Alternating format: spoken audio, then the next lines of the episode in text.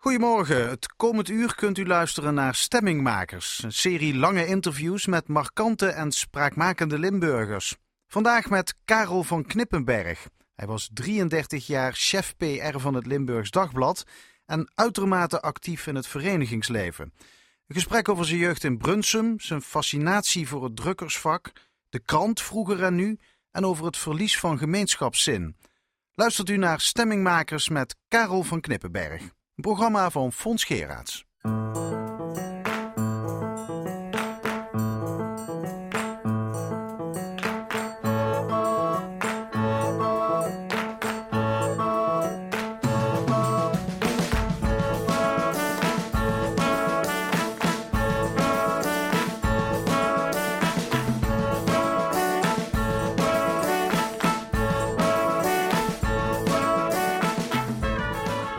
Ben wel een seizoenmens.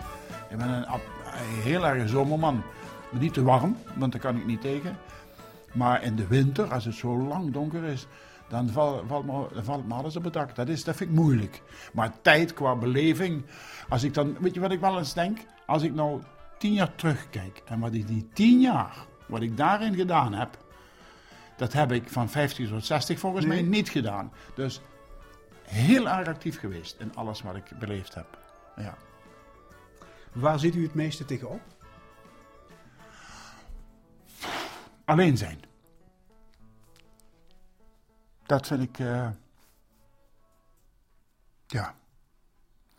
Ik denk dat. eh, ik denk dat is iets wat niemand wil.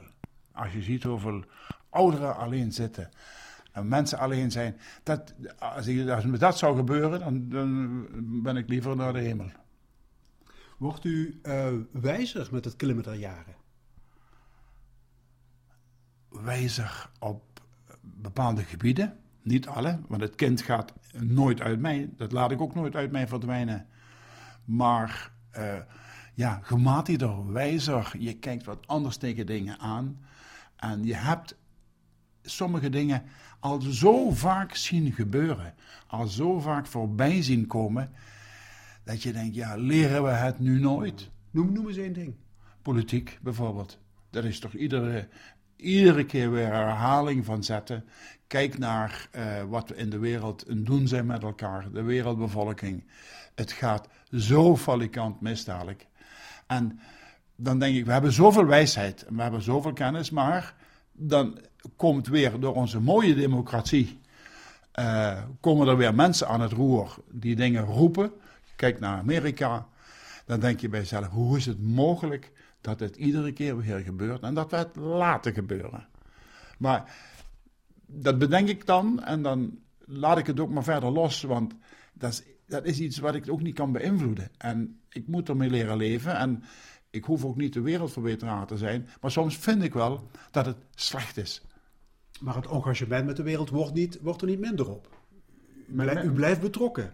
Ja, ik blijf genieten van de dingen die de wereld te bieden heeft. Musea, eh, reizen maken, eh, eh, de geneugten van het leven. Fietsen door het Limburgse land, hier langs de Maas, langs gisteren nog in Duitsland geweest. Ja, je weet niet waar je komt hier. Dat is zo ontzettend mooi. En Om mooie dingen te zien hoef je niet naar Thailand en Peru. Nee, daar moet je wel geweest zijn om te zien hoe het daar is. Om te voelen hoe die mensen daar zijn. Dat heb ik in Cuba heel sterk meegemaakt. Ongelooflijk wat een wereld van een verschil. Ook in Rusland. Maar hier, als je hier naar buiten trekt, is geweldig. Ik hoef er niet verder weg. Ik wil wel verder weg, omdat ik het wil zien. Ik hou ontzettend van steden. Mijn vakantie nu gaat naar München, Budapest en Wenen. Nou, er zitten zeker vijf, zes musea in die we gaan bekijken. En ja, dat is wat ik, wat ik eh, wat ik leuk vind. Dat is ook, als je in een museum bent geweest, dat is net alsof je eh, een gigantisch diner gehad hebt. Zo voelt dat, omdat je weer je kennis ver- verrijkt hebt. Dus u blijft doorgaan tot het moment er zodanige fysieke beperkingen zijn dat dat niet meer zo goed kan. Zal ik heel eerlijk zijn? Ik hoop dat ik zo lang doorga tot ik omval. En dan, dan voorbij is. Meneer Knippenberg, u zette de klok met de helft terug. U bent weer 35. Wat zou u, wat zou u anders doen? Ho, ho, ho. Ehm, meer tijd aan mijn gezin besteden. Absoluut. Meer tijd Is, aan is mijn dat gezin. een van de redenen misschien waarom het spaak is gelopen? Ja, ik denk het ook wel. Alhoewel, we- mijn vrouw, ik heb heel goed contact met mijn vrouw. Met mijn ex-vrouw. Maar ehm, het werk kwam op de eerste plaats. Eerste, eerste gezet. Dan kwam de chutterie.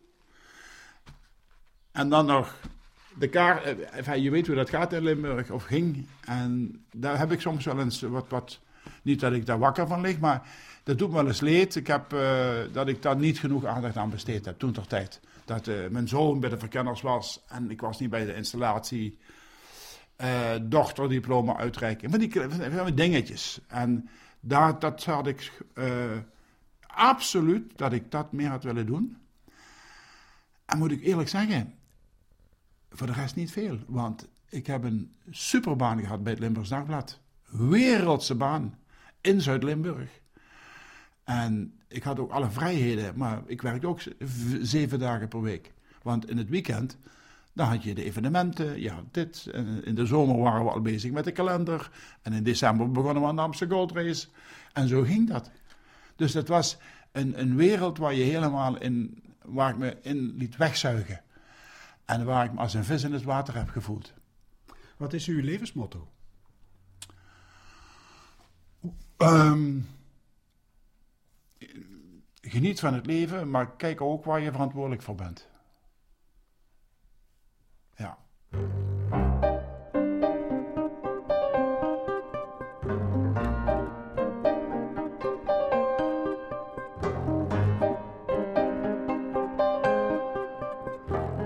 Karel van Klippenberg is van 1948, een babyboomer, geboren en getogen in Brunsum. Een agrarisch kerkdorp dat werd opgeslokt door de mijnindustrie. Toch koos de jonge Karel voor een bovengrondsberoep. Eerst graficus, toen beroepsmilitair en vervolgens PR-manager bij het Limburgs Dagblad. Daarnaast hyperactief in het verenigingsleven, schutterij, harmonie, carnaval. Zijn ouderlijk huis stond in de Dorpstraat, naast de kerk. De herinnering aan die straat is nog uitermate scherp. Ehm, naast ons woonde boer Arets, daarnaast woonde boer Keulen, daarnaast woonde boer, eh, ik meen Dortans. Daarboven zaten boeren. Het was, eh, onder zat boer van Loo, dus het was een straat met veel boerderijen, maar de prachtige Sint-Gregoriuskerk. Daar tegenover lagen winkels, daar lag café Schobbe, daar lag een bakker, daar lag een drukkerij, daar lag een slager. Ko- Kortom, een drogisterij. Ehm, ik ben opgegroeid ehm, met een wc nog met het hartje. Hè? En op, bij ons naast was boer Arends, die had de koeien. En als kleinkind, ik denk als, als zo gauw ik lopen kon, was ik bij Arends. En daar heb ik mijn prille jeugd doorgebracht. U bent tussen, tussen de koeien opgegroeid. Absoluut. Ik haalde op zevenjarige leeftijd, dacht misschien zeven, acht jaar, misschien nog jonger, ging ik naar het busje en dan moest ik de koeien halen. Ging ik alleen. En dan pakte ik met de witte, dat was de lievelingskoe. Die kettingen die maakte ik allemaal aan elkaar en dan kwam Krelke de dorpstraat afgewandeld met de koeien achter zich. Echt, daar is zelfs een foto van gemaakt. En ik heb, er is een foto, staat Agnes eh, Ares op, die is helaas overleden. Maar die kwam ook met die koeien. En ik ging met haar melken, achter op de melktuiten, op de fiets, naar Buske en mee melken. Ik was, het mooiste was, ik zat op de vijfde klas lagere school, daar waren ze aan dorsen in de zomer. Ben ik niet naar school gegaan. Ik moest dorsen, helpen, op die dorsmachine. Met de tractor, met de landstractor. En dan moest mijn vader naar school komen. En eh, dan kreeg je ze thuis. Hè. Gereten, hè. Niet op school. Ik vergeet het nooit meer. Maar dat was mijn leven. Ik, was, ik liep achter de ploeg met paard, Jenny. Ik was geloof ik acht jaar. Liep ik achter de ploeg. En dat is, een, dat is werkelijk. Het avonds, dan haalden de jongens van Ares de, de, de, de, planken van de kar naar buiten. En dan zaten ze buiten te praten over van alles en nog wat. En wij zaten met grote oren te luisteren. Tegenover ons was het klooster van de Sint-Franciscanessen. Sint- Sint- Franciscanessen. Dat leefde. Dat, die, die, die, die kroeg van Pierre Schobbe, die zat altijd vol met overdag met mensen van de mijn en ondernemers en zo. Daar gebeurde wat. In onze straat was de kermis. De oktoberkermis was in de Dorpstraat. En bij ons achterom stonden de ponies van Circus Julian Bos geparkeerd. Daar ben ik in opgegroeid. En uw vader werd Schenk uit de Meulen genoemd. Ja. Uh, hij was ja, molenaar dus. Ja, molenaarsknecht. Hè. Hij, hij hielp de molenaar. Maar hij is op, ik geloof op 12-jarige leeftijd, we hadden thuis veel kinderen. Hij is geboren in Lobberg in Duitsland en die is drie, maanden, toen hij oud was, is hij naar uh, Neer verhuisd. Maar die werden allemaal werken gestuurd. En er was geloof ik al een, iets werkt al hier van die familie, dat weet ik niet meer zo goed. Maar in ieder geval is hij in de Muurle uh, bij Bruls terechtgekomen. Daar heeft hij tot zijn, uh, de, tot zijn pensionering heeft hij daar gewerkt. Hij liep krom van het sjouwen van de zakken. Je, als je mijn vader zag lopen, die liep aan één kant helemaal ingedrukt. Want dat was keihard werken. Maar Schengo de Meulen was ook een bekend persoon geworden. Als 12-jarige is hij hier terecht gekomen. Hij is getrouwd toen hij 42 was. Met mijn moeder, die is uit Schenveld, 32, die was die. Dan kan je nagaan wat hij in die 42 jaar heeft meegemaakt. Hij was bij de biljartclub. Hij was bij de Jong Schutte, Peters en Paulus. Hij was uh, bij de RKBSV, bestuurslid. Uh, bij de biljartclub. Dus Schenk Oetemeulen kenden ze binnen en buiten. Ja, dus u heeft het niet van een vreemde? Absoluut niet. Absoluut niet. Hey, en dat graan werd dus vermalen tot meel. En dat meel werd naar de bakkerijen gebracht. De bakkerijen en de thuis, bij mensen thuis. Mensen hadden toen varkens thuis. Hè? We hadden thuis ook twee varkens. En die werden ook geslacht en dat werd ingemaakt en dat werd uh, verwerkt. En dat meel was varkensvoer? Nee, dat meel, varkensvoer, kippenvoer. Vergeet het nooit, van Sluis. Uh, dus hij kwam bij bakkerijen, maar heel veel op toeren bij mensen thuis, want die hadden zelf kippen en zoiets. Hè. Dus dat werd toen, um, bracht hij dat rond, eerst met paardenwagen. was ook zoiets, had ik me een keer verstopt onder het zeil van de wagen op de maandagtoer. En toen ontdekte hij me op de Hering. Dat was de maandag, was langs de Hering. Moest hij overigens wel zo terug. Ook weer gereden gekregen. Maar het was, uh, ja, en na de hand had hij een van de eerste Opel Blitz die hier in Brunsum rondreden. Prachtig. Hmm. Maar hij was knecht, zei u? Ja, hij was Dus dan hadden jullie het niet echt breed thuis, denk ik. Helemaal niet. Mijn moeder die heeft uh, veel gewassen van mensen. En naast ons woonde een uh, Joep Knoren, was een kluizenaar. Die had vroeger een boerderij en een houtzagerij. Was een timmerman. En die woonde als kluizenaar. En die, mijn moeder heeft hem... En wat wil dat zeggen? Dat hij de deur niet uitkwam? Ja, dat was een viezerik. Ja, die waste zich nooit en zoiets. En, en, dat we daar met kerstmis, op met nieuwjaar naartoe gingen, gingen we een vrasje. Dan kregen we altijd een stukje chocola en pleegzuster bloedwijn. Maar dan zat hij met zijn voeten in een teltje en het glaasje dat spoelde die in dat teltje uit. En dan kregen we, daar kregen we dan de... Verschrikkelijk. Maar Joepke nog, mijn moeder heeft hij in huis genomen, want ze huurde van hem het huis. Dat zat vast aan die boerderij. En uh, die heeft hem uiteindelijk uh, tot aan zijn dood verzorgd. En toen hebben we het huis cadeau gekregen van hem. Ja, die heeft, mijn moeder heeft hard gewerkt. Mijn vader trouwens ook. Heeft er ook wel de nodige uh, ja, plezier gemaakt, maar ook wel verantwoordelijksvol. Maar hard, allebei hard gewerkt. En zij, zij hadden op een gegeven moment, waste voor mensen. Bij ons woonde een ingenieur in de straat, daar deed zij de was voor.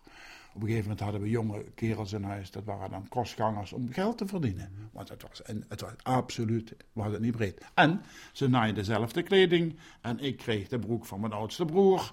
En zo ging dat door. Hè. Ik bedoel, we hebben het allemaal meegemaakt. Eh, op, op vrijdag of zaterdag één buut, hè, met één. En dan ging eerst die erin, dan die erin en dan die erin. En de rest werd er hof meegeschropt. Dat was het leven vroeger. Maar het was. Uh, ik zou dat nooit willen hebben gemist. Want als ik zie vaak hoe stadskinderen, uh, wat die moeten missen, wat wij allemaal mee hebben mogen maken. Ja, is geweldig. Echt geweldig. Brunsum was toen uh, agrarisch, maar ja, de kolenwinning heeft alles veranderd. Hè? Uh, dus het werd hier één groot industriegebied. Ja, ja. Nou, ik ben eigenlijk van 48 en dan kan je toch zien dat die mijnen in de jaren 50 al op, op zijn retour waren. Hè? Uh, want in 67 miljoen is, uh, heeft de gezegd dat het afgelopen is. En de mijnindustrie heeft natuurlijk alles bepaald. Kijk naar Heerlen, kijk naar Geleen. Uh, al die steden die hebben een enorme transitie moeten doormaken. Heel snelle groei. En daarna de afbraak. Maar de mijn is u bespaard gebleven, hè? Helemaal. De Hendrik ging ook al dicht toen u 15 was, in 19, wat was het, 64 geloof ik? Ja, ja. Ik heb de, we hebben het enige wat meegemaakt, uh, een broer van mijn moeder, Kole Scheng, uit Schinveld, uit Schinveld, die bracht bij ons de slam. En eh, soms kreeg had mijn vader wat een nootjes vier geregeld. Dat is een kool. Een, Een sfeer, ja, dat is een betere soort, toch? ja, ja, die kreeg alleen de opzichters. Maar mijn vader die had ook wel eens. eh, We hadden eierkolen natuurlijk voor de kachel. We hadden een ouderwetse kookkachel in, in, in de keuken staan. En dan kregen we een haard en dan moesten dan eh, nutjes veer op. En dan sloegen de ramen niet of zoiets van het kachel. En dan was mijn moeder altijd erg gelukkig als we dat kregen. Ja, dat was eh, zorgen. Die mensen die zorgden elke dag dat er te eten was. Er werd ingemaakt. Er werd ehm, uit de tuin. We hadden een eigen, eh, hoe noem je dat? Een groentetuin. Aardappelen. Ik weet niet wat mijn vader er altijd in verbouwde. Rabarber. Ach. En des winters aten we potten. En dan werd de, de, de appelmoes opengemaakt. Ja, dan stond er bovenop een beetje schimmel. Dat werd ervan afgeschept. En voor de rest werd die appelmoes heerlijk Nu opgegeten. zo meteen die hele pot worden Oh, weggeflikkerd. Dat zijn we zo. Dat is niet te filmen wat we tegenwoordig met de eten doen. Hè? Was uh, Brunsum bruisend in de jaren 50, 60? Ik heb Brunsum altijd bruisend gevonden. Ehm, en, en, en we hebben de eerste parade die we gemaakt hebben. eh, toen na de watersnood is er een parade geweest. En ik kan me herinneren dat ik een heel klein jongetje met een bordje van een land voorop gelopen heb. Dat kan ik me nog herinneren. Dat mijn tante uit Schinveld mijn ijsje kwam aanbieden. En ik zei, dat wil ik niet, want ik moest dat bordje vasthouden. En die watersnood was een 53, hè? 53 ja, of 52. Maar, en toen hebben ze die parade gehouden. De, de, Brunsum heeft altijd een, een, een zeer gezond eh, verenigingsleven gehad. Harmonieën. Eh, de fanfare, Langeweg. Het zijn allemaal koren. Het bruiste. Echt, Brunsum was een goede, goede leefgemeenschap. Echt. Veel, veel cafés? Ik meen op de hoogtijdagen 68. Nou, op... eh, 68. 68. Ongelooflijk veel. Ja, dat, eh, dat was een café, café, dat was het dagelijkse. Dat was de kerk, hè. Die ging op zondag naar de kerk, maar door de week werd gebiecht in het café natuurlijk, hè, en gekletst. Maar we hebben danszalen gehad. Ik, eh, danszalen, ik denk een stuk of acht, maar dat durf ik niet precies. Dancing Bus, heel beroemd. eh Goris, eh, Zaal Klaas, eh, Zaal Goffin, Zaal Oberje, Zaal hier, ga maar door. Ja. En hoeveel cafés zijn er nog over? Sla je me door? Ik denk.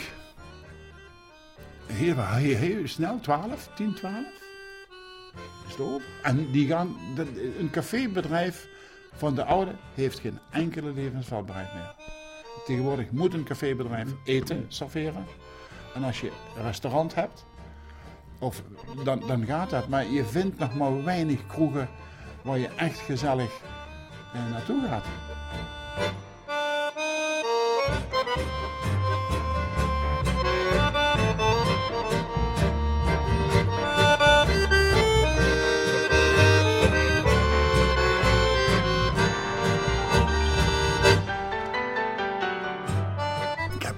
Altijd eh, van kinds af aan de drang gehad om dingen te ontdekken. En ik had toen eh, stiekem uit de, de KRO-gids een bonnetje opgestuurd naar ehm, de marine. Dat je, ik wilde, wilde me aanmelden. Er stonden in één keer twee van die kerels voor de deur thuis. en ik was niet thuis. Mensen van de marine. Maar de marine, ja. En die kwamen praten. Ik heb het geweten. Mijn moeder heeft die van de deur gejaagd. En ik heb het geweten. U was 12, 13. Ja, ja, ze wist, ik had dat tegen niemand verteld. Maar weet je, had je van die kleine advertenties en onder stond zo'n bonnetje. Ja, ik wil, of zoiets stond daarin. Hè. Dat heb ik geweten. Heb ik het nog een keer gedaan bij Van Ommeren. Dat is de binnenvaart. Dat is me ook niet gelukt. Mam wilde niet hebben dat ik eh, naar de marine ging. En, en u wilde op die leeftijd per se gaan varen. Nou, ik wilde de wereld in. Ik wilde de wereld ontdekken. Niet zozeer het varen, denk ik, maar ik wilde dingen zien, dingen be- beleven. En ik zag dat wel eens op de televisie. Met die prachtige foto's, hè. Die stoere knapen. Want ik ben helemaal geen marine. Ik denk dat ik eh, bij de eerste vier weken al zou uitgevallen zijn. Want ik was vroeger ook al vrij dik. Of dik. Corpulent, laat ik het zo maar zeggen. Gezet. Eh, ik heb het spek van mijn moeder gekregen.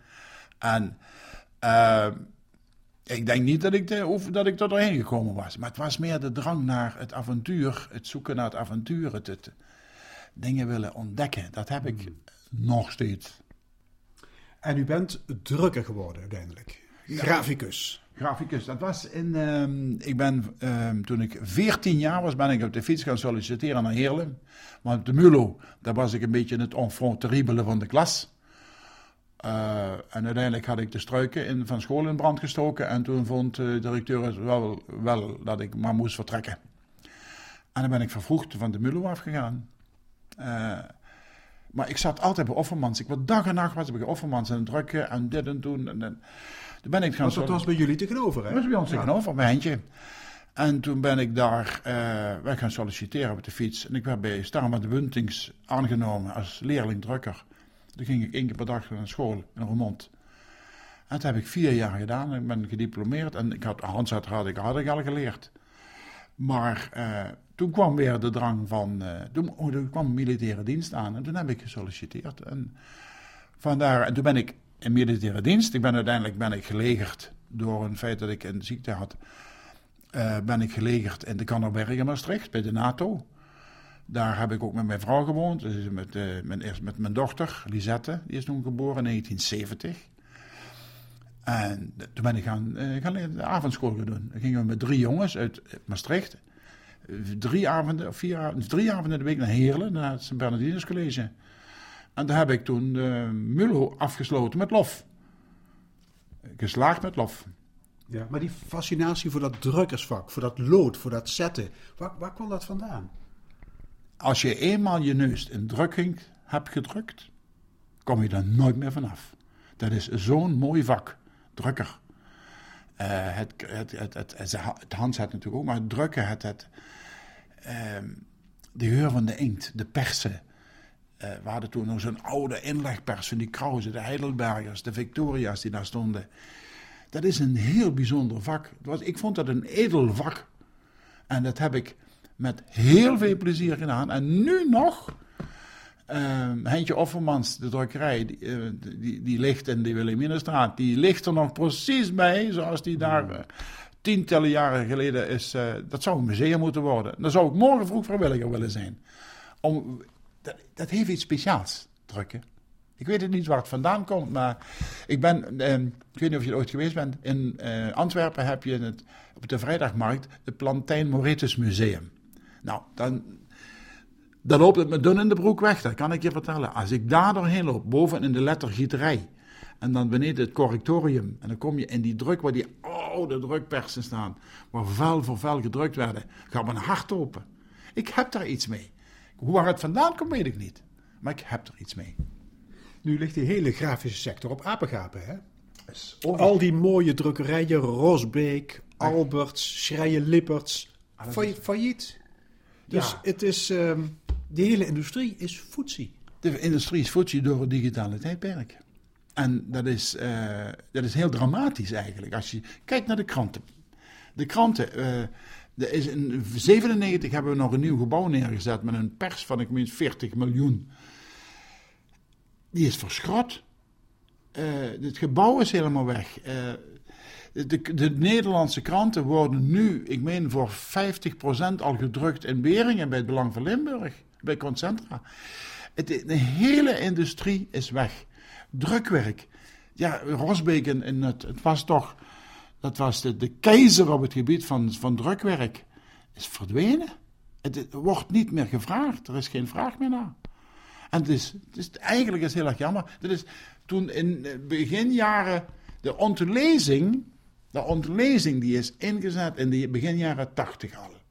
Toen kreeg je de eerste signalen van het eh, teruggaan van abonnementen, maar ook het teruggaan van oplagers. Daar, dat steeg wel links en rechts, maar er waren nieuwe nieuwkomers. Maar toen is de ontlezing eigenlijk ingezet in 1982. Dat weten we allemaal achteraf, omdat we natuurlijk al die fases door- doorleefd hebben. Maar je kan het niet, het gaat niet anders. Ik bedoel, Maar dit is een heel ambacht dat gewoon is verdwenen. Hè? helemaal verdwenen. En je noemt het, het is, dat was een echt oud ambacht. Ga nou eens na. Vroeger werden de, de boeken, werden, het monnikenwerk, hè, die werden gekalligrafeerd met toestanden. Je ziet ze op TFAF, zie je ze liggen.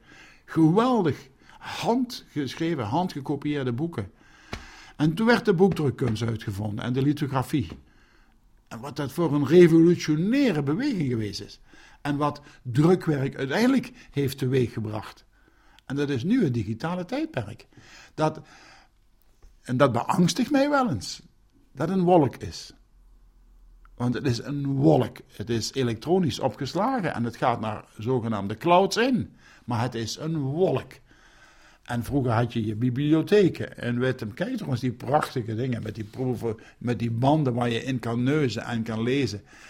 Maar nu zijn het, het is een wolk. En ik heb wel eens zien, op een dag wordt daar geprikt en dan lost die wolk op. En dan zijn we alles kwijt. Ik, ja, het tastbaar ook van een schilderij is toch ook zo? Als je een, een schilderij ziet, en dat kan je toch digitaal niet vervangen? Maar jonge mensen die nu opgroeien, die, die, die maken, dat, ja, maken iets anders mee. Ik bedoel, de, mijn kleinkinderen, en over, daar zijn ze niet uniek in, uh, op die tablet, het is, het is alleen maar dat, ja, maak ik mee. Dan bent u van de oude stempel. Ik ben echt, ben ik ook. Ik ben, laat me, maar laat me dat in godsnaam maar zijn. Ik geniet op mijn manier. Ik bedoel, mijn telefoon is mijn wereld, er zit alles in. Ik heb voor de rest ook nog maar weinig papier. Maar laat me wel genieten van, uh, van de, de mooie dingen in het leven die er nog, niet nog tastbaar zijn. Tastbaar.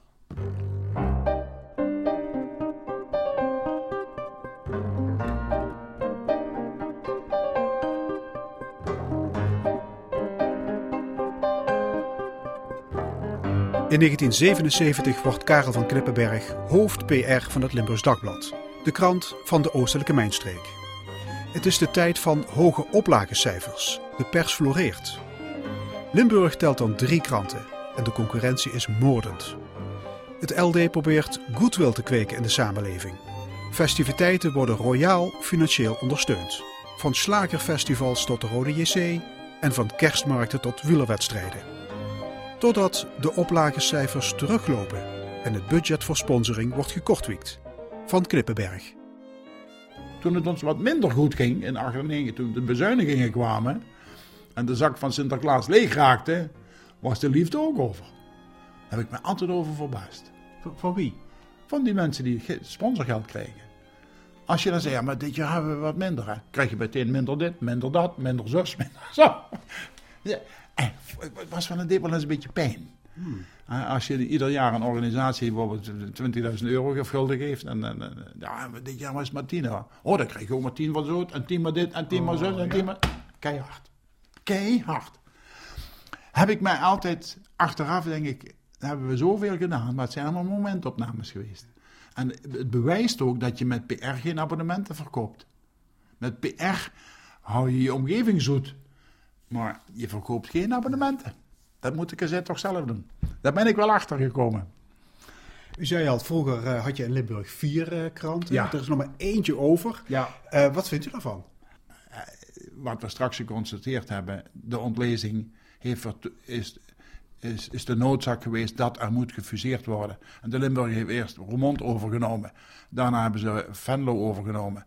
En uiteindelijk, via de Telegraaf, zijn we hier ook nog verder gegaan. En nu is de titel Limburgs Dagblad verdwenen. Ja, je kan dat. Uh, hadden we het kunnen voorkomen? Waarom hadden we het willen voorkomen? Nee, moeten we, moeten we ook niet op terugkijken. Heeft geen enkel doel. Kijk naar de dag van vandaag. En, en uh, ik hoop dat ze nog wat, wat jaartjes mogen bestaan. Maar moeten ze wel een ander product maken, denk ik. En, maar ik, ik zie het heel moeilijk voor ze. Wel, dan is de krant, laat ik zeggen, het contact met de lezer kwijtgeraakt. Volgens mij helemaal. Ja. Vroeger was de krant een huisvriend. Um, dat hebben we altijd meegemaakt. Ik heb de cassette al jaren. ik heb vroeger de, de, de, eh, de puzzelprijzen. En dan kwam je met mensen aan de deur. Ach, ik heb, die, heb ik al van de pap en ik heb hem al zo lang. En ik heb hem, dat was een huisvriend. Maar dat is Hoe geen... was de dekking vroeger van de krant? Uh, voor, uh,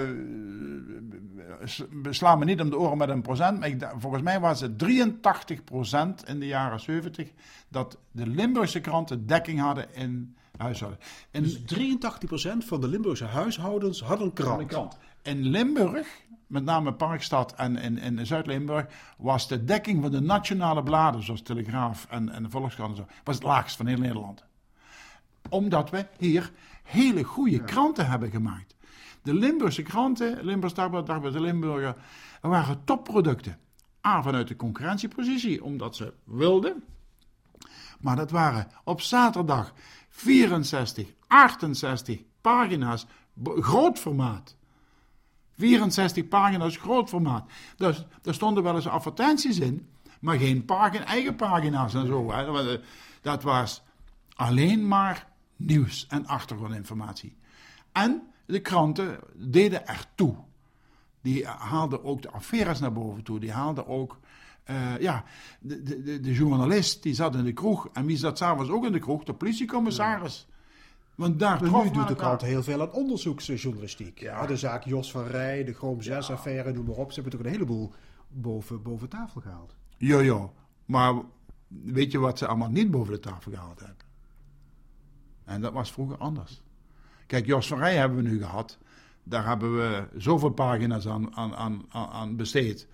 Dat geen mensen meer. Dat, heeft, dat is te veel over één onderwerp. Hoe is de dekking nu? Volgens mij ligt dat rond de 20% 20, 25 procent. Dus van 83% naar 20% Net zo dramatisch als het, uh, als het aantal cafés. Ja, dat kan je eigenlijk wel stellen. Ja, ja. ja. ik vergelijk. Maar u zegt, het ligt ook aan de inhoud van de krant. Dat zoveel mensen hun abonnement hebben opgezegd. Ja, ik denk dat de krant niet brengt wat de mensen willen lezen. Een, regionale krant moet regionaal nieuws brengen. En als je de krant nu openstaat in de zomer, is het helemaal dramatisch. Het is echt dramatisch. Uh, dus, in, in Parkstad uh, wonen 250.000 mensen. Dat is een kwart van de Limburgse bevolking. En dan krijg je, door de week krijg je, over Parkstad heb je één pagina twee pagina's. En dan is het gedaan. En daar staan dan 1, 2, 3, ik die kleintjes niet, vier, vijf artikelen in. Maar u weet hoeveel journalisten er verdwenen zijn hè, bij de. Ja, het is ook, ook dat is dramatisch. Er is geen brood meer in te verdienen dadelijk. En jonge mensen die nu journalist willen worden, ik ken er eentje, want ik ben toevallig nog verbonden met Limburg Schutters tijdschrift. Die zit in, in Utrecht op school. Ik zeg, wat ga je dan doen? Ja, zegt ze, ik, dan kijk je nog maar. Krant? Nee, zegt ze, krant. Uh, nee, zegt ze, ik, ik ga toch ver voor, voor internet. Dus het is een hele andere ook de jongeren die gaan er ook al heel anders mee om, om, om in de journalistiek dingen te doen. Maar het moet wel blijven. maar u zegt de krant moet eigenlijk laagdrempeliger worden. Ik ben soms jaloers op het belang van Limburg. Zie wat die iedere keer weer opnieuw doen door een goed nieuwskrant te brengen. En dit te doen, en zus te doen, en zo te doen ik kan me niet voorstellen dat de mentaliteit in België anders is dan de Nederlands-Limburgse mentaliteit. Want we zijn allebei uit die klei gekomen. En het is ook mijn industrie geweest. Maar het zijn daar mensen die hebben ook correspondenten nog in de, in de, de plaats. Dat hebben we allemaal afgeschaft. Het is weg. dat, dat, is uw ideale krant eigenlijk, hè? Het belang voor Limburg. Zo zou een krant gemaakt Ik vind een superkrant. Ja, met veel positief nieuws. Nou, nieuws kan niet altijd positief zijn. Maar ze maken iedere week één goed nieuwskrant. En ze hebben regio, eh, de goede regio-indelingen. Maar het systeem in België is volgens mij nog steeds zo dat ze, ze hebben aanmerkelijk minder journalisten in vaste dienst, maar ze hebben heel veel correspondenten, vaak mensen uit het onderwijs, die uh, aanleveren. En dan, als je daar een keuze in maakt en je gaat dat doen, dan krijg je op de voorpagina inderdaad een prachtige Limburgse opening. En als het een, een, een, een ongeluk is, dan is het dat maar. Dus het toevallig hier. Ja, u heeft nu de, de Limburger van vandaag hier op tafel liggen. Ja, een, een, een, een, openingsartikel over IS-kinderen. Daarvan zegt u, ja, dat zou je eigenlijk niet moeten doen. Je zet dat toch ergens anders neer. Wat heeft dit nu op een voorpagina te zoeken? Met alle respect. Maar we willen. En waar moet dan op de voorpagina? De droogte of OLS? Limburg. Jos Verstappen? Mensen. Mensen die in Limburg wat doen, die gisteren wat meegemaakt hebben. We hebben toch geen mensen die dat signaleren? Ik, eh, het, is, het is zo jammer dat, dat, dat we dat loslaten. Ik kan me de, de herstelering van de krant. Toen was er bij, bij alleen, was er bij avondgasten, zat een, hoofdredacteur en, en, nog iemand, ik weet niet, toen zei, toen zei iemand, ja, we hebben, de krant ziet eruit, um, oh, daar ben ik de naam even kwijt. Het, het, oh, het lijkt op die Independence. Indep, uh, ik weet niet ik, ik geloof het is goede naam, hè, Independence. Ja, daar ben ik heel trots op. Ja, als je dat zegt als hoofdredacteur van een regionale krant, denk ik dat je moet solliciteren. Want daar heb ik het over een wereldse krant. En de, de Jan en Annie Uchenne, die zitten niet te wachten op een Independence. Die zitten niet te wachten op een New York Times, op een Wall Street Journal, op een krant die het internationaal ertoe doet. Die zitten te wachten op een Gazette uit Limburg. Met Limburg nieuws over Limburgse mensen.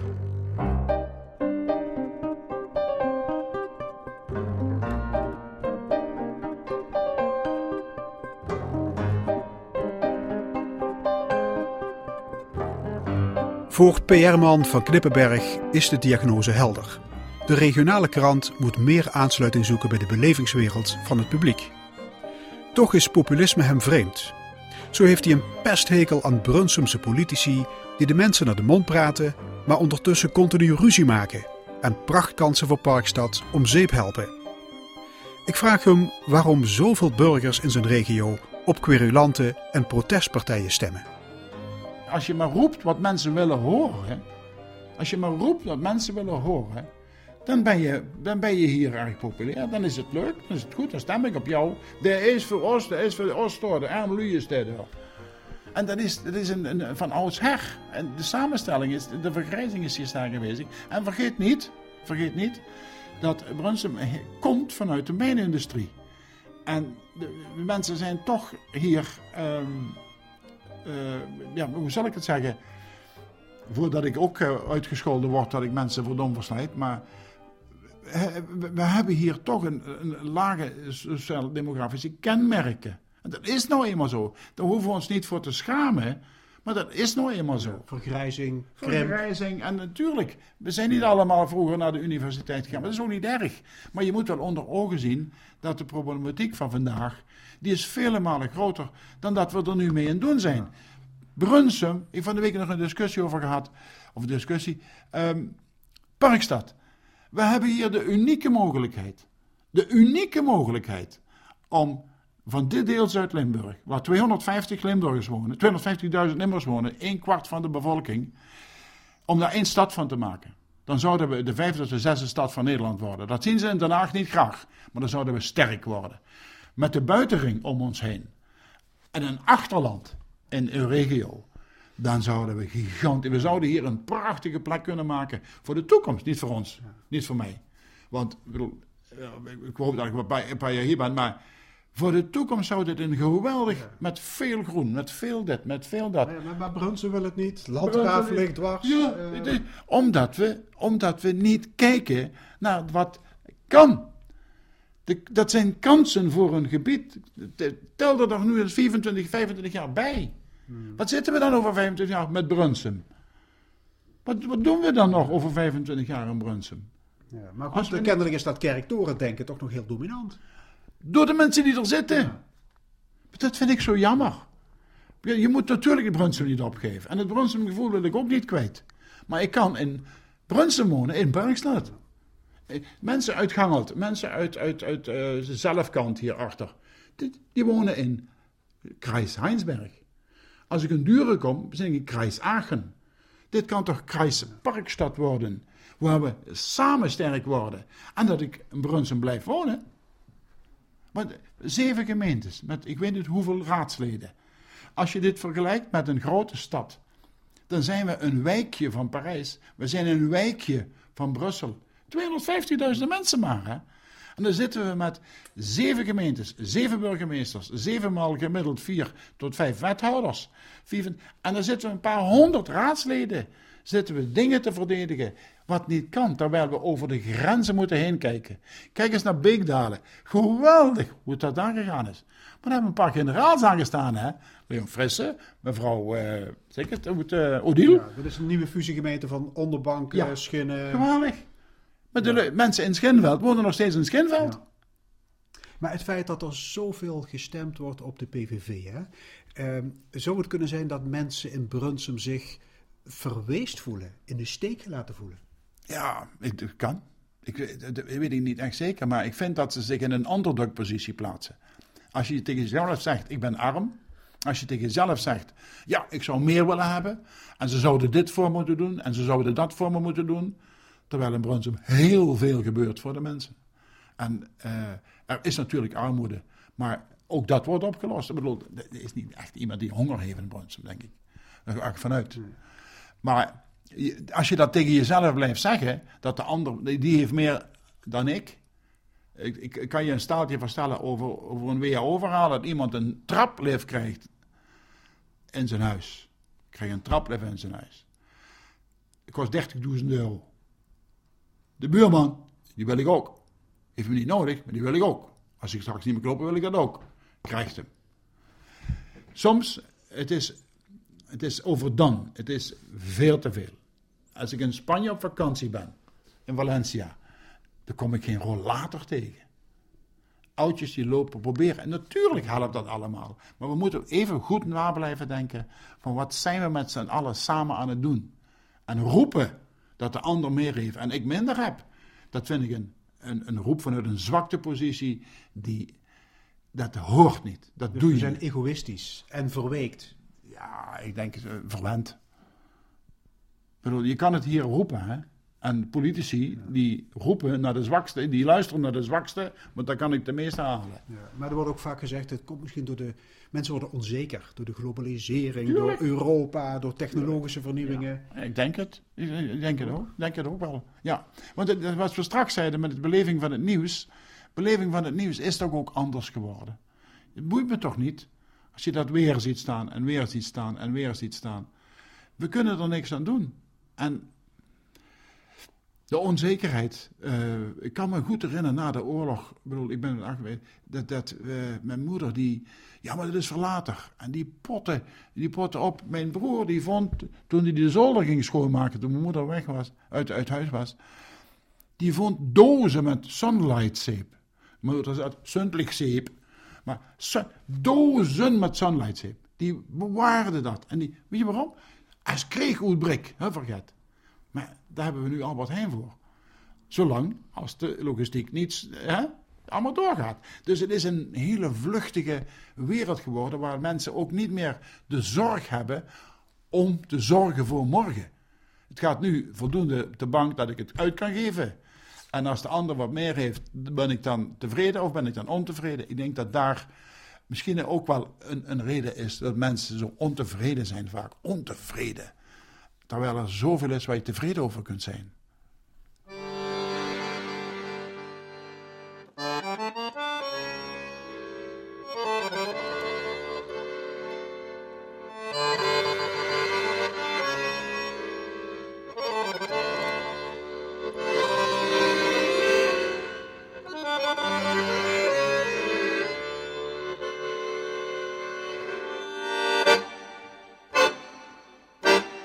Ook in Brunsum maakt het verenigingsleven moeilijke tijden door. De schutterij, de harmonie, sportclubs, ze kampen met vergrijzing en jonge aanwas is er niet. Volgens Karel van Klippenberg is dat vernuikend voor de sociale cohesie in de zogenoemde parel van de mijnstreek. Die leegloop gaat ten koste van de gemeenschapszin. Maar een oplossing heeft ook hij niet. Hoe krijgen, we het, hoe krijgen we het voor elkaar dat de bewustwording van bepaalde dingen in het leven anders zouden moeten? Om dat te bewerkstelligen. Als ik naar, met name in de zuidelijke landen. Ik ben zo enorm gefascineerd. Wat in, in, in, in Spanje met name, met de Hermandad, wat daar nog gebeurt. eh, eh, eh, rond het geloof weliswaar nog. Daar hebben ze ook iPads en hebben ook telefoons. En niet allemaal niet anders. Maar ik ga volgend jaar naar Malaga. En de eh, Heilige Week, de Goede Week, ga ik naar Malaga. Ik wil één keer in mijn leven de processie daar gezien hebben. Semana Santa. Ik wil er gezien. Dat is honderdduizenden mensen. El Rocio. Miljoen mensen dat naar dat plaatsje trekt. Op bedevaart. Ook met iPads, met campers. Maar ze gaan er naartoe. Het heeft een, een diepe betekenis vanuit een gevoel van... Wij zijn Spanjaard, wij zijn dit, wij zijn dat. En dat mis ik hier zo. Ik mis een, een. Ben je blij dat je Limburger bent? Ja, ik ben blij dat ik Limburger ben. Ik ben blij dat ik Brunsumer ben. Maar wie is dat nog meer? Wie is dat nog meer rond mij? Wie? Roepen eens, sta eens op. En als je het bent, wat doen we eraan om het te verbeteren? En dat mis ik. Ik mis gewoon dat mensen die ertoe doen, ook in, in, in andere verenigingen, in de carnaval, Die zeggen, ja, ik heb er geen zin meer in. Ik, eh, het, het, wordt toch niks meer. En ik, ik vind het zo ontzettend moeilijk. Daarom is mijn hang naar, met name eh, in, de plaatsen waar dat wel is, en met name eh, dat Zuid-Spanje, mijn god, dat zie, dan gaat mijn hart open. Ik was trouwens op de heiligdomsvaart in Maastricht, voor de eerste keer in mijn leven moet ik bekennen. Dan ik tranen in de ogen. Niet zozeer van het religieuze, maar de, de devotie die die mensen hadden om daar te gaan lopen. En dit heb ik trouwens bij de Virgietse-feest in Asselt ook meegemaakt. Dat pakt me. Het doet me goed dat ze dat doen. En als dan uh, de harmonie van Wolder komt met hun processiemars, ja, ook dan loopt het me dun weg. Dat is, dat, is, dat is met geen pen te beschrijven wat je dan overkomt. Ik zie tegenover mij aan het bad zie ik ook mensen met bier en het ijsje eten en kletsen als die harmonie langskomt. Die boeit dat niet. Maar dat zijn geen Limburgers. Dat waren Hollanders. Snap je? Limburger, dat is wat, iets... Wat, wat, is een Limburger? Iemand die verbonden is met, zijn, met de aarde hier. Iemand die verbonden is met de streek. Iemand die toch wel, mag ik zeggen, de taal spreekt. Of die wel versteekt. Maar je bent verbonden met deze streek. En iedereen die deze streek geweld aan doet, die is een vijand. Ik, dat, ik denk dat dat in Limburg is. Dat geldt ook voor de Brabanders, voor de Gelderlanders, de Rotterdammers, de Amsterdammers. Je bent verbonden met de aarde hier. Je bent verbonden met de streek. Er is zoveel goeds hier. En haal dat naar boven toe in je en dan zie je. En doe dingen samen. Pak het op. En ga niet individueel dingen doen. Of, of dat heeft geen doel. Nee, ik, dat, niet te veel over zeggen. Ik vind dit, dat is het eigenlijk wel. Je, bent, je voelt je verbonden met de streek. Maar ik voel me ook verbonden met mensen in Rusland. Ik voel me ook verbonden met, met België. Of als ik in Duitsland fiets, ik voel me daar ook verbonden. Niet zozeer als met dit. Limburg is, is nou eenmaal een heel speciaal stukje land. Hè? Vergeet het niet. Hè? Wij zijn ook niet te vergelijken met andere gebieden. We zijn zo internationaal georiënteerd. Het smalste deel is 14 kilometer. Ik bedoel, als ik een half uur op en neer rijd, ben ik in België en ik ben in Duitsland. Al dus Karel van Knippenberg. Tot slot, uw haiku. Ja, oh ja. Wacht, oeh, de bril, de bril. De bril, de bril. De kracht van vriendschap laat geluk zegevieren. Te allen tijden. Ja. Ja. Ja, is ja, het was een. Uh, ja. De kracht van vriendschap laat geluk zegevieren te allen tijden. Ja. Je bent wel eens. Uh, ja, als er. Uh, je hebt geluk en je hebt. geen geluk. Hè? Moet ik dat zeggen? Je wint 100.000 euro en je bent gelukkig. Of ze nemen 100.000 euro van je af dan ben je ongelukkig. Dus geluk en verdriet um, zijn soms heel heftig. En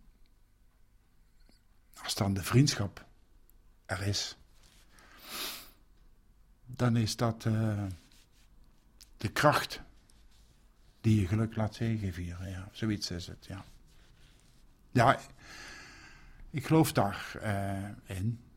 En zeer zeker als je 70 bent, dan is het uh, genieten elke dag. Carpe diem. En dan ja, kijk, geluk, ooit eens geleden, wie gelukkig wil worden, nee, andersom. Wie gelukkig wil zijn, moet het niet willen worden. Dat is van Thomas More. En ja, geluk kan je niet. Geluk, geluk komt op je pad. Geluk is om je heen. Maar verdriet kan ook op je pad komen. En is het, nog, het kan hard toeslaan. En dan is eh, de kracht, als je een vriendschap hebt. Uh, vorige week nog geluncht met een vriend. Die zie ik misschien één keer per jaar. Nou, we hebben elkaar gekust, we hebben elkaar. Dus de mannen. Uh, ja, geweldig. En dat is, is gewoon goed. En ik heb een vriendin die zo innige vriendschap. Dat is ongelooflijk. En dat helpt dat werkt. En als dat is soms ehm, zo belangrijk om mensen te hebben die, waar je van weet, dat die, uh, dat, dat zo'n goede vrienden zijn. Dat dat zo diep zit. Het helpt. Het helpt verschrikkelijk. Ja.